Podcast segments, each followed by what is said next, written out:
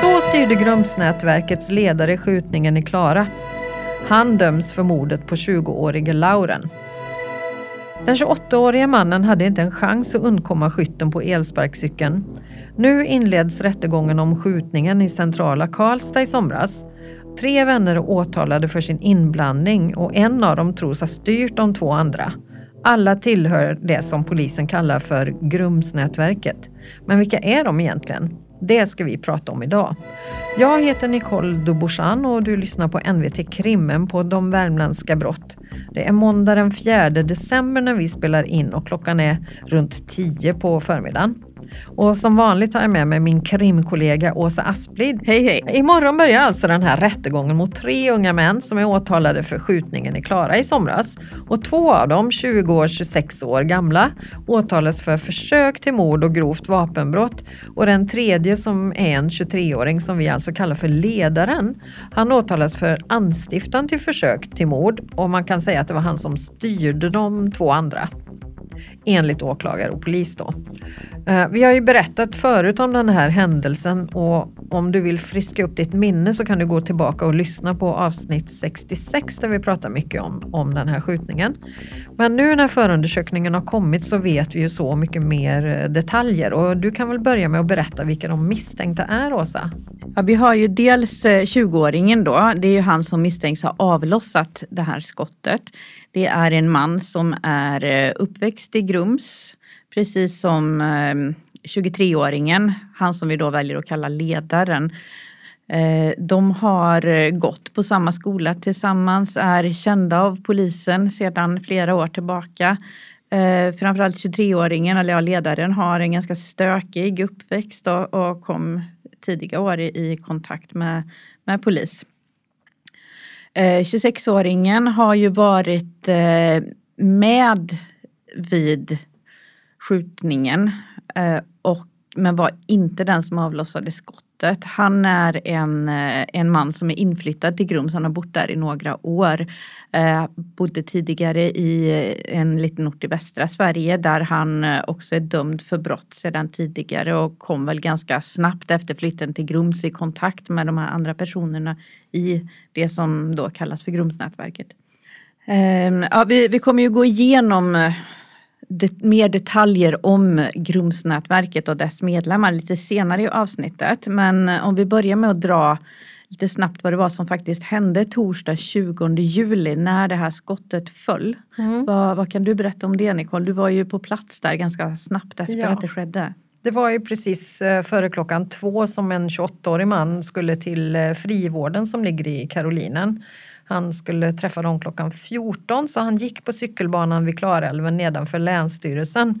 Och eh, då har han berättat ganska mångordigt i förundersökningen att han, det kom en man på elsparkcykel som var maskerad och han hörde bara någon säga ursäkta och sen så small skottet och han blev träffad i vaden. Han fick eh, ett skott som gick rakt igenom vaden så att han hade ett ingångshål och ett utgångshål konstaterar polisen sen som kom ganska snabbt. Mm. Och han och blev i, liggande där. Ja. ja och, och, han beskriver ju även att han fick väl mer eller mindre panik när han, ja. han låg där. Det är inte så konstigt när man ser en maskerad människa och, och, och strax efteråt skjuter den personen. Mm, jag tror han tänkte någonting som att nu är det kört och han trodde ju att den här personen var kvar när han låg där så att han var ju panikslagen när han låg och blödde på marken. Mm, han fick hjälp av, av eh, andra människor på ja, platsen? det var många. Eftersom det var mitt på dagen och fin dag och mitt i semester och allt det där så var det många som, eh, som var i närheten. Så han fick hjälp av ett par, tre personer direkt som också larmade SOS. Mm, det var väl ett cykelbud som var nästan ja, först på platsen? ett cykelbud och sen kom en kvinna som satt på en bänk alldeles bredvid, en gravid kvinna. Och så var det en barnfamilj som hade cyklat förbi precis också innan. Men hur gick det för honom då? Jo men det gick ju förhållandevis bra ändå. Han fick ju, det är ju allvarligt att bli skjuten såklart men det var inga livshotande skador och han kunde förhöras redan samma kväll av polisen eh, och berätta vad som hade hänt. Men han, eftersom den misstänkte då var maskerad så kunde han ju inte säga vem det var, så han kunde inte peka ut någon. Han sa väl bland annat att han inte alls kunde förstå varför det här skedde och ja. att eh, han, vad han visste inte hade några Ja precis. Han har ju inte kunnat hjälpa polisen med något motiv eller så till varför det här alls har hänt. Mm. Och eh, åklagaren har sagt till mig också att hon tror väl inte att det någonsin kommer att komma fram. Men det Nej. finns ju teorier. Men om vi går tillbaka till platsen då. Det var mycket människor i rörelse här och, och polisen har ju pratat om att det här var kunde ha gått väldigt mycket värre om man hade haft otur. Ja, för när man läser i förundersökningen så ser man ju att det var otroligt mycket folk precis, precis nära som den här barnfamiljen som kom cyklande som jag nämnde som var bara några, ja det var sekunder efter att de hade mött 28-åringen så small skottet. Och sen var det ju det här cykelbudet som liksom kom mm, susande förbi precis eh, då. Och den här kvinnan som satt på en bänk i närheten, gravid. På andra sidan älven, nu vet inte jag hur långt ett skott kan eh, bränna iväg, men där fanns det sånt här Konrad Höök-tåg med massa barnfamiljer. Alltså, så det var, det var väldigt mycket folk helt enkelt på, på cykelbanan den dagen. Det var ju fint väder också för en gångs skull den här sommaren kan man Ja. säga. Och så dessutom så var ju killen som sköt enligt den skjutne 28-åringen högstressad och han höll ju, på den här, höll ju i den här elsparkcykeln med bara en hand och skulle för att kunna skjuta då med den andra. Så ja, det fanns många, mycket som hade kunnat gå fel. Ja, det är ändå, med tanke på de förutsättningarna så är det nästan förvånande att han faktiskt träffade i benet. För det är, Ja. det, det är ganska svårt att, att skjuta mot ett ben och, och träffa. Ja, Eh. nu vet vi ju inte om han siktade på benet ens en gång eller om, vi vet faktiskt inte det. Om det var meningen att han skulle sikta mot benet och varna eller om det var ett, ja det är ju ett försök till mord har ju de åtalats för. Ja. Men det här är ju en lite krånglig historia som vi ska försöka reda ut nu då. För polisen tror jag att hela det här händelseförloppet börjar redan kvällen innan vid utegymmet på Gubbholmen eller ännu lite tidigare kanske. Mm. Eh, och Gubbholmen ligger ju i Karlstad ska vi säga. Ja. Eh, men vad var det som hände då? Om vi tar eh, li, lite kort då. Det, det var ett slagsmål på Gubbholmen vid, vid halv åtta på kvällen, på onsdagskvällen. Eh, och de som var inblandade där var ju ledaren ska ha funnits på platsen. Sedan fanns även det här 28-årige brottsoffret på platsen och han misstänks ju då ha utfört misshandel mot en eh, tillsammans med ledaren mot en eh, förskolelärare från Kristinehamn som var där. Och jag, jag har ju tittat lite grann på upprinnelsen till, till att den här förskoleläraren blev misshandlad. Och eh, där kan man ju då se lite granna av de eh, metoder som ledaren använder sig av. För, för här har vi ju en typ av, av utpressning som, som är ett brott som ledaren är tidigare dömd för och eh, nu, han står ju även åtalad för, för två utpressningsbrott också utöver det här anstiftan till mordförsök. Och, och då får vi backa bandet eh, några veckor tidigare eh, än skjutningen. Om vi tar den här förskoleläraren så han kände att han ville ha lite extra pengar och eh, hade i sitt Instagramflöde sett att en bekant hade lagt ut något meddelande om vill tjäna pengar, kontakta mig personligen. Så, här. så han hörde av sig till den här mannen och, och var intresserad och ville veta vad, vad det handlade om. Och fick då reda på att eh, det var inga, inga svåra saker som krävdes av honom utan han skulle helt enkelt bara låna ut sitt bankkonto där personer då skulle sätta in pengar och sedan så skulle förskolläraren ta ut de här pengarna i kontanter och eh, lämna över till en annan person och så fick han behålla några tusenlappar däremellan. Det vet vi ju att det här är något som polisen faktiskt varnar unga människor för att gå med på för att det är ju ett brott att göra så. Ja, det är ett penningtvättsbrott och vi ser ju att det är ju brott som, som det, det kommer allt fler åtal på den här typen av brott. Det behöver ju inte röra sig om jättestora summor utan det kan vara att de får 20 000 insatta och så ska de plocka ut dem och få kanske behålla 2 000. Så. Eh, så förskolläraren tyckte att det här lät bra, det kan jag göra.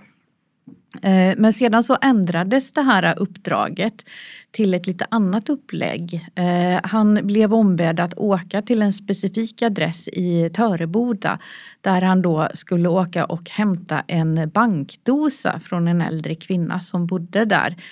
Eh, redan, jag tror att redan när han fick höra det här så kände han väl att det här kanske går lite grann över en gräns. Det börjar kännas eh, som ett mer brottslig handling. Men eh, han åkte till Töreboda i alla fall gick och ringde på den här dörren. Den öppnas då av en eh, kvinna som inte är eh, jättegammal. Jag vet inte om det var den kvinnan han förväntade sig möta där eller om det var någon släkting till en äldre kvinna. Men hon står där och han presenterar sig som att han är en banktjänsteman som då ska be att få hämta den här bankdosan som jag antar att man säger att det är något fel på den mm. eller liknande.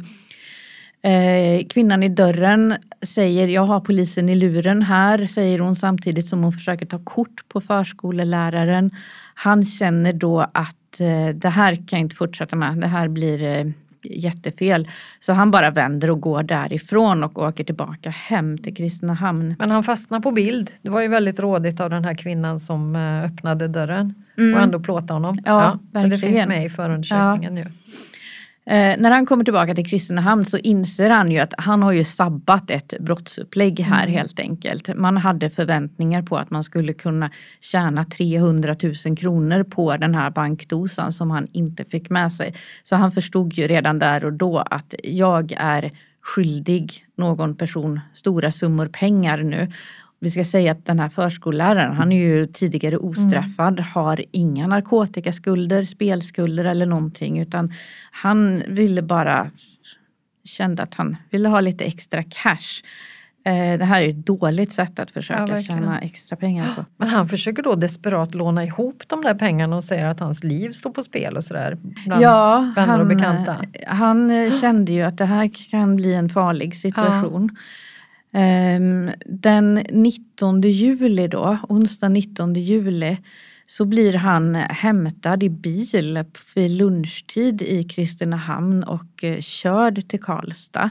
Det, de är, det är fyra personer som kommer och hämtar honom i bilen. Det är dels den här bekanta till honom som han tog kontakt med för att komma in i det här. Sen är den kompisen till förskolläraren, han känner det 28-åriga brottsoffret i skjutningen. Så den 28-åringen är också med i bilen. Han har ingen relation alls till förskoleläraren. Det var första gången de träffades. Sen tror man även att det är eh, antingen 20-åringen eller 26-åringen med en kvinnlig chaufför med i bilen också. Jag tror inte man har lagt jättemycket resurser på att följa upp men om de var i bilen eller inte. Men de hämtar honom och åker till Karlstad? Ja, och då ska han då i Karlstad försöka lösa den här situationen som han har satt sig i och även få träffa den man som han var ytterst skyldig pengarna för på grund av det sampade brottsupplägget. Det här menar ju polisen då är den här 23-årige mm. ledaren, att det är han som liksom är den som har styrt det här brottsupplägget. När förskolläraren kommer till Karlstad så får han i uppdrag att eh, först att försöka öppna ett nytt bankkonto eh, för att man då ska kunna nyttja det på det här sättet att han får in pengar som man ska mm. plocka ut. Eh, banken säger att eh, det kommer ta några dagar innan, innan det här finns redo. Eh, det beskedet blir man inte jätteglad för bland de här som då tillhör Grumsnätverket. Men eh, ja, det är inte så mycket mer man kan göra. Eh, efter bankbesöket så, så går en del i det här sällskapet från bilen då köper alkohol och eh, går till Gubbholmen där man då så småningom ska möta den här mannen som, eh, som kräver de här två eller 300 000 mm. kronorna. Och vad händer då, då? Sedan när ledaren kommer så ska han då enligt förskoleläraren ha tagit fram ett vapen som han eh, använder som ett eh, eh, tillhygge och, och slår förskoleläraren med i huvudet. Men han kommer lite undan med blotta förskräckelsen för det är mycket folk där och han lyckas få hjälp av någon kvinna med hund. Ja, eh, han, han är lite blåslagen. Man ser bilder i förundersökningen mm. när han har lite rodnader och, och skrapsår och så. Men det är inga allvarliga skador och eh, den här kvinnan med hund larmar ju polisen om det här. Eh, och det leder då till att både 23 23-åringen och 26-åringen drar ifrån Gubbholmen väldigt snabbt. Mm. Så de träffar ju inte polisen på där och då utan däremot så blir ju 28-årige brottsoffret och förskollärarens kompis blir eh, Polisen får kontakt med dem och Mm. skriver upp dem som misstänkta för misshandel men de frihetsberövas inte där och då. Då är alltså 28-åringen som dagen efter ska bli skjuten mindre än ett dygn senare ju. Och, Mm. och den här 23-årige ledaren som tros ha be- beställt skjutningen, då är de på samma sida i någon, den här konflikten kan man ändå säga. Ja, och det här, här finns det ju en hel del frågetecken. Mm. Man vet inte riktigt vad som har hänt. Sedan så nästa dag så verkar ju då konflikten ha förflyttats från förskoleläraren till 28-åringen. Mm. Då. Men exakt hur det har gått till, det, det vet polisen egentligen inte. Man vet inte Motivet vad till som ledde här. fram till att det blev en skjutning egentligen. Nej, det, det vet man inte alls. Det man har kunnat se i efterhand när man har gått igenom telefoner det är att det sker en intensiv kommunikation mellan ledaren och 28-åriga brottsoffret på förmiddagen, timmarna innan 28-åringen blir skjuten. Eh, Det har skett framför allt via Snapchat och där har ju meddelandena hunnit eh, försvinna så man har inte kunnat läsa något av det som har skickats mellan dem. Det enda man kan se spår av det är att det har gått meddelanden. Ehm, Det finns, finns kvar loggat och att det har skett ett stort antal telefonsamtal. Och det, jag tror att första meddelandet skickades redan 07.42 om jag inte missminner mig och, och sedan så, så är det en, en eh, oupphörlig kommunikation fram till halv tolv-tiden. Mm. Då är vi tillbaka på den här skjutningen och till Grumsnätverket för det verkar ju som att det har funnits en rätt genomtänkt plan bakom händelsen. Och Åsa, du har ju plöjt den här förundersökningen. Um, så du kan ju berätta åtminstone vad polisen anser har hänt för vi kan ju redan nu säga att de här tre åtalade förnekar brott. Men polisen har ju tömt telefoner och övervakningskameror och gjort tekniska fynd och hört vittnen och, och pusslat ihop ett händelseförlopp som de ehm, som lett fram till det här skottet då. Ja. Eh, Så ja, vad var det som hände egentligen? Ja, det man har kunnat se är att eh, efter misshandeln på, på Gubbholmen eh, då åkte ju ledaren och 26-åringen därifrån på varsin elsparkcykel. Ehm, därefter har ledaren tagit sig vidare till ett garage som ligger på Norrstrand i Karlstad. Eh, samtidigt har 20-åringen åkt från Grums till samma garage. Så de befinner sig där tillsammans vid tio tiden på kvällen ungefär. Där tror man att de har hållit på och eh, meckat med en motorcykel som man då har haft eh, uppställd där. Den motorcykeln tillhörde troligen ledaren. Det finns fotografier där han eh, tidigare under sommaren har, eh, har fotat på, på det här fordonet. Eh, Man är där ett par timmar, sedan åker eh, 20-åringen tillbaka hem till Grums. 23-åringen åker istället till en adress väldigt nära NVT-huset där en annan person som anses ingå i det här Grumsnätverket vid den tidpunkten bodde. Eh, när 23-åringen kommer dit så möter han även upp 26-åringen. 26-åringen har då efter Gubbholmen varit hemma i sin bostad i Viken ett tag och eh, tar sig sedan också till NVT-huset där man, där man möter 23-åringen. Där sker det lite olika konversationer mellan de två med, med den här 30-åringen som bor på en adress där. Och sedan har man även hittat ett meddelande från 20-åringen som är skickat ganska ja, efter midnatt där i alla fall. Där han skriver till sin flickvän tror jag att han sitter och väntar på ett telefonsamtal från 30-åringen då. Det är oklart vad man pratar om men det sker väldigt mycket kommunikation under natten i alla fall. Sedan så så går väl folk och sover och, och därefter så är det då vid, vid halv åtta nästa morgon då, torsdag 20 juli som, Så man återigen då kan se att ledaren har den här intensiva kommunikationen med 28-årige mannen som mm. så småningom ska bli ett brottsoffer. Eh, samtidigt är det ju intressant att, att eh, konstatera att ledaren har samtidigt styrt upp att just den här dagen ska han och hans flickvän och hans mamma åka till Viksfors bruk och eh, fika tillsammans. Så han befinner sig ju där, långt ifrån där mm. skjutningen sker tillsammans med personer som kan ge honom alibi för att han inte alls var i Klara på en väldigt oskyldig mm eh, aktivitet. Så. Men medan han är på Viksfors bruk så använder han sin telefon och har otroligt mycket kommunikation både via Snapchat och den här krypterade meddelandeappen Signal till ett, ett stort antal personer. Så vid eh, halv tolv-tiden då börjar han även kontakta 20-åringen och Eh, förklarar att han måste komma in till, eh, till Karlstad. 20-åringen vet väl vad det är eh, ledaren vill att han ska göra så han skriver men ska vi inte vänta till helgen istället? Varpå ledaren då bestämt skriver tillbaka att nej, det är idag.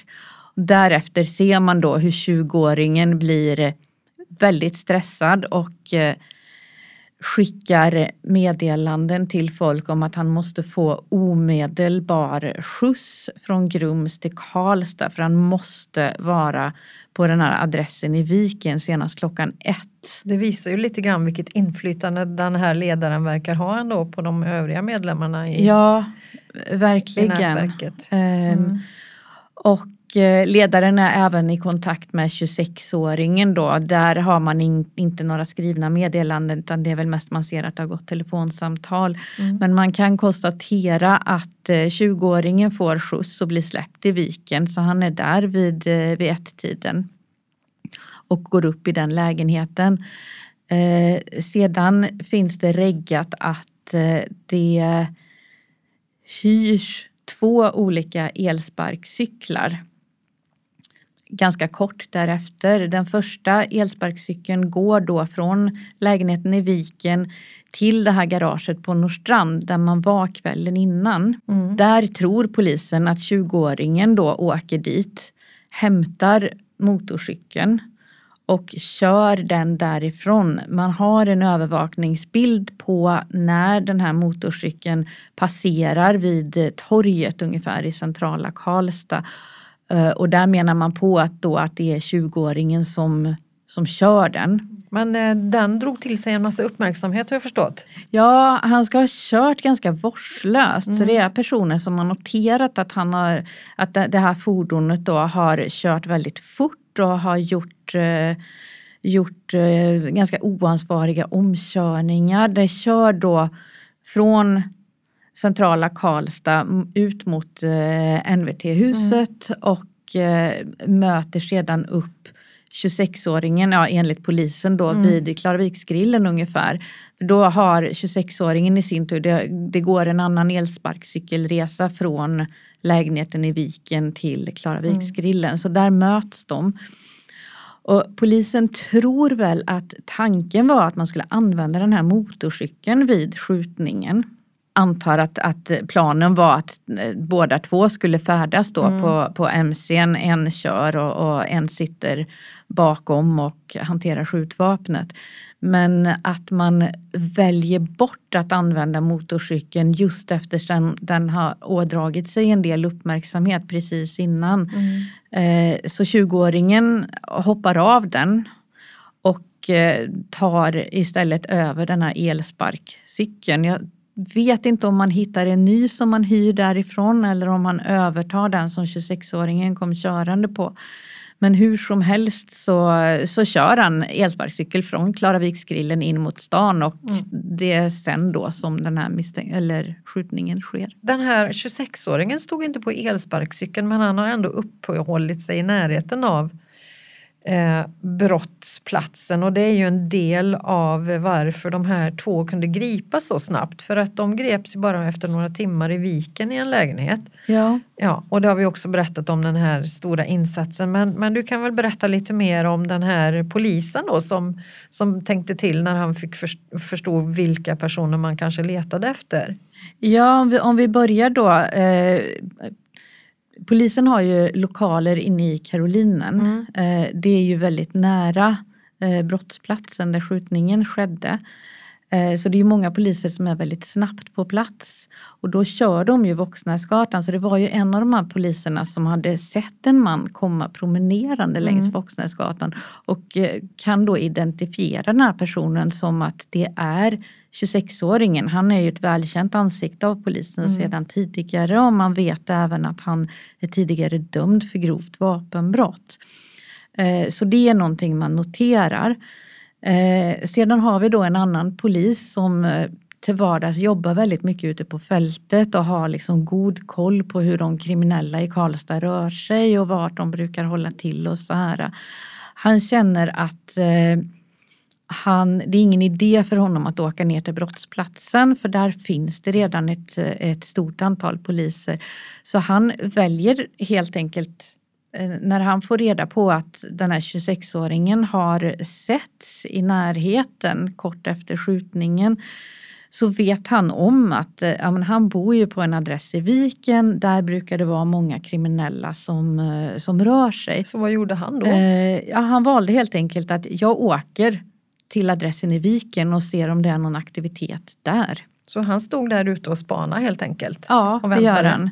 Och han har inte hunnit vara där särskilt länge innan han noterar att 26-åringen eh, och 20-åringen som också då är ett välkänt ansikte kommer promenerande från Mariebergsskogen hållet och eh, går upp i den här Vikenlägenheten. Och sen så visar loggar från det här eh, eh, elsparkcykelföretaget att det de har tro, troligen använt en elsparkcykel och parkerat i Mariebergsskogen så att det var ganska naturligt då att de kom promenerande därifrån. Ja, man ja. är ju väldigt snabb på att kontakta eh, Ride, mm. elsparkcykelföretaget, får snabbt kontakt med dem mm. och kan via dem då identifiera elsparkcyklar som med största sannolikhet har använts av de här misstänkta skyttarna. Mm. Och man ser då att det finns en cykel som har lämnats eh, på en gata borta vid mm. Mariebergsskogen.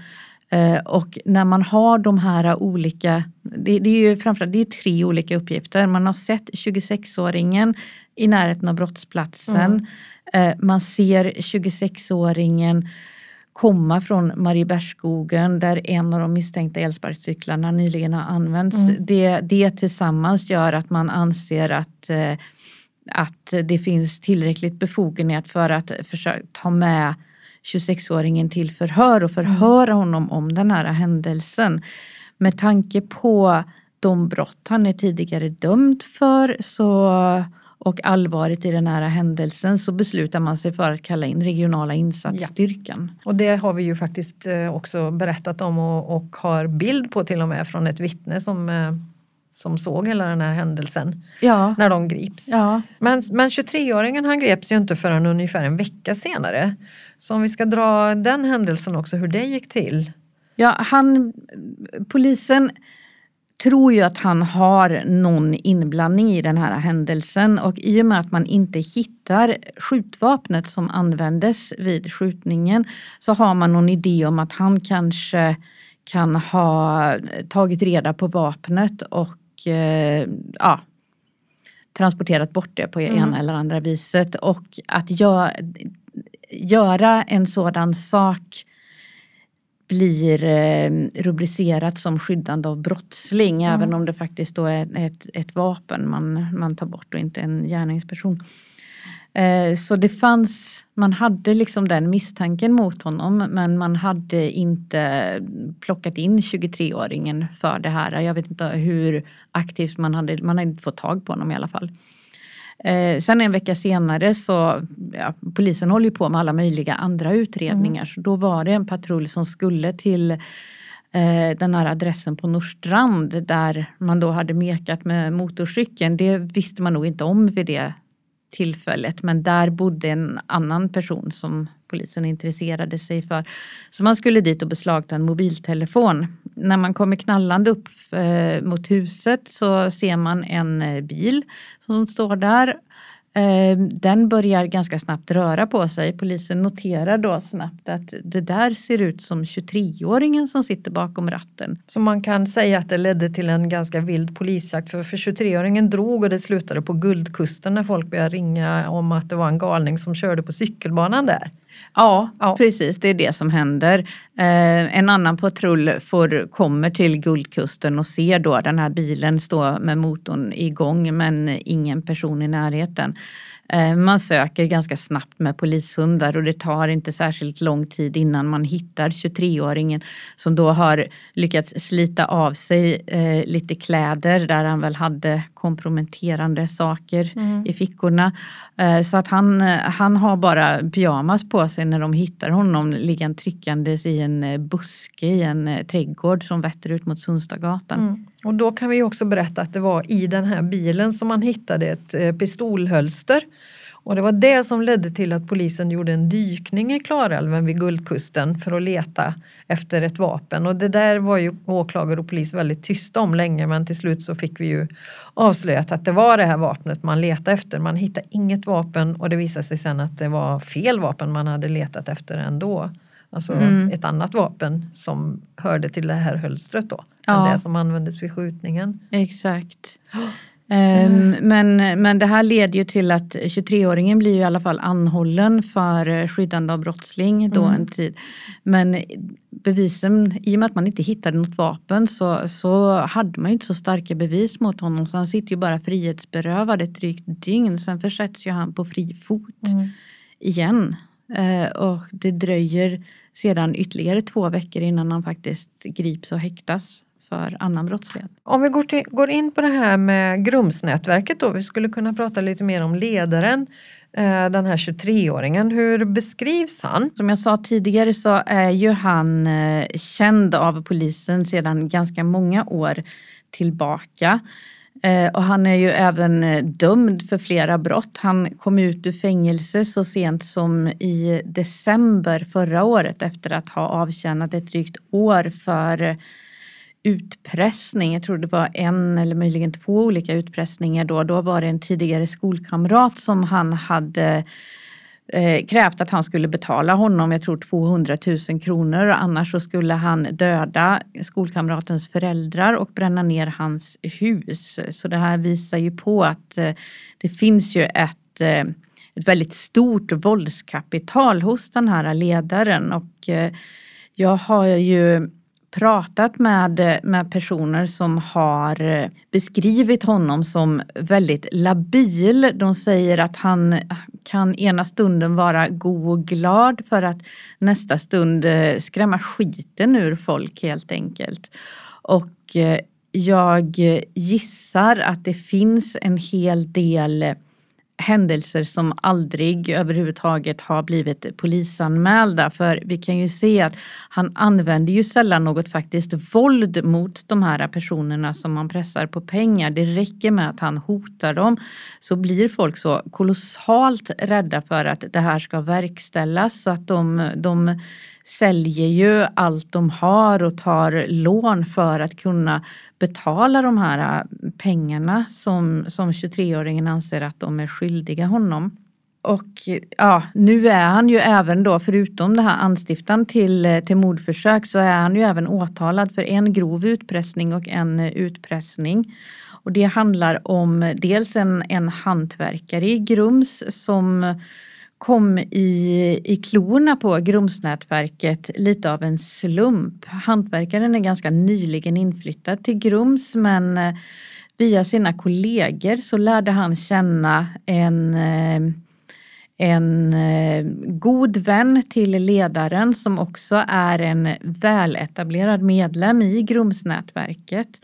Och där började man att be den här hantverkaren om tjänster som att han då skulle låna ut sitt bankkonto mm. och sådana saker. Det, det, har vi ju nämnt tidigare är lite av ett modus operandi för den här ledaren och när han slutligen sa, sa nej till att göra de här då hittade man på att han var skyldig ledaren 200 000 kronor och han beskriver ju i förhör att han, han sålde sin bil, han sålde en båt, han sålde sin tv och tog även lån från, eh, från vänner och bekanta för att eh, kunna betala det här så att han inte riskerade att bli, eh, bli dödad mer eller mindre var väl det han fruktade i värsta fall skulle hända.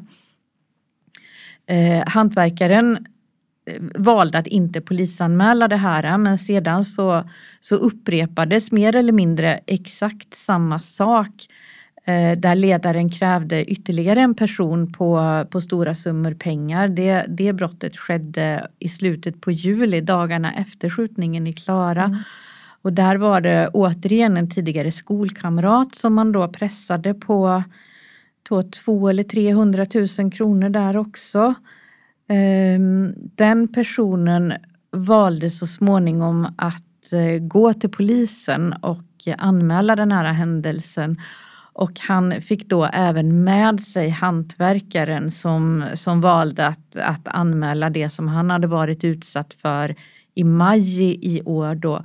Och det är de här två brotten som, eh, som leder till att man faktiskt griper ledaren. 9 augusti så, så grips ledaren i den bostad han för tillfället vistades i eh, av polisen och det är även de brotten han eh, frihetsberövas för. Han blir, han blir häktad för, för utpressning och grov utpressning. Mm. Och i samband med det kan man då sedan även börja analysera 23-åringens mobiltelefoner och det är därefter man då faktiskt får bevis för den roll han eh, misstänks ha haft i, i skjutningen och han blir så småningom då även misstänkt för anstiftan till, till mordförsök. Eh, bor han fortfarande i Grums? Nej, det gör han inte. Han eh, han är eh, folkbokförd på en eh, turistort på spanska solkusten sedan några månader tillbaka. Det här är ju ett välkänt tillhåll för personer som tillhör kriminella nätverk. Det är ju, det är ju ett stort antal av gängmedlemmar i Sverige som, som rör sig just i det här området. Nu vet vi egentligen inte hur mycket han bor i Spanien. Eh, jag har talat med personer som säger att det, det kanske snarare var en slump att han eh, bokförde sig där. Han har en kompis som bor på spanska solkusten sedan några år tillbaka och 23-åringen tyckte mest att det var väldigt jobbigt att, eh, att hans mamma fick ständiga polisbesök när eh, han var folkbokförd hemma hos honom. Så, så jag tror senaste månaderna har ju 23-åringen snarare bott på olika adresser i Karlstad och inte i Spanien. Kan du ge några exempel på hur han jobbar? För att polisen pratar ju om att han ofta använder sig av samma modus operandi som det heter ju. Ja, vi har ju varit inne på det lite grann att han, han och hans eh, underhuggare i Grumsnätverket, det man misstänker att de gör det är att de identifierar personer som de upplever som sårbara på ena eller andra sättet eller ja, tänkbara brottsoffer helt enkelt och sedan närmar man sig dem och Eh, ja, ber eller hotar dem till att eh, hjälpa till med, de får låna ut sina bankkonton för pengatransaktioner, de får hyra bilar, ehm, de har även fått låna ut adresser så att eh, ledaren beställer varor som levereras till, till de här personernas adresser. Då. Allt det här är ju för att det inte ska finnas några direkta digitala spår som går direkt till ledaren. Eh, och sedan när personer börjar krångla så blir de bötfällda helt enkelt och eh, om de opponerar sig mot de här påstådda skulderna så, så växer skulden ytterligare bara och, och sedan så börjar man då pressa dem på pengar. Och det här är ett ganska klassiskt eh, brottsupplägg. Och utöver utpressning så, så är det ju även narkotikabrottslighet som Grumsnätverket till största del ägnar sig åt. Mm. Och man tror väl att de här pengarna man tjänar på utpressningen används för att eh, köpa in narkotika. Polisen har ju även hittat eh, ett stort antal meddelanden i eh, 23-årige ledarens telefon där man kan se att han har haft regelbunden kontakt med olika kinesiska eh, narkotikalaboratorier kan man väl kalla dem för. Det, det, är, det är företag i Kina som, som framställer droger på, på kemisk väg och han har gjort, det är stora beställningar han har gjort där.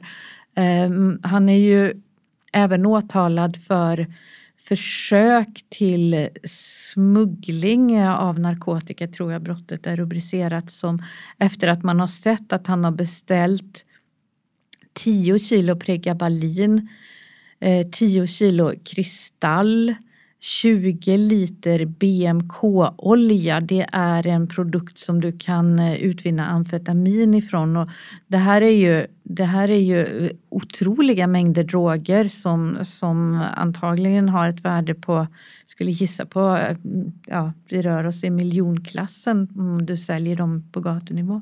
Nu riskerar han ett långt straff. Vad händer med nätverket om han sitter i fängelse? Han sitter ju frihetsberövad sedan eh, 9 augusti så att han har ju varit eh, borta från verksamheten under ganska lång tid nu. Och eh, de jag talat med säger väl att det självklart är kännbart för Grumsnätverket att, att ledaren är Eh, är, är borta. Han har ju beskrivits lite som motorn i Grumsnätverket som allt kretsar kring men, men samtidigt så tror man att det finns personer som, eh, som kan fylla hans eh, roll även när han är borta och man har även sett att det tecken på att det, det fylls på med nya medlemmar underifrån. Jag har ju bland annat tagit del av ett eh, beslut i, i förvaltningsrätten där det är en 17-årig man i Grums som har blivit dömd till eh, LVU-placering och där eh, just på grund av att man har kunnat se att han har tydliga kopplingar till ett kriminellt nätverk i Grums och man har även skrivit att den här 17-åringen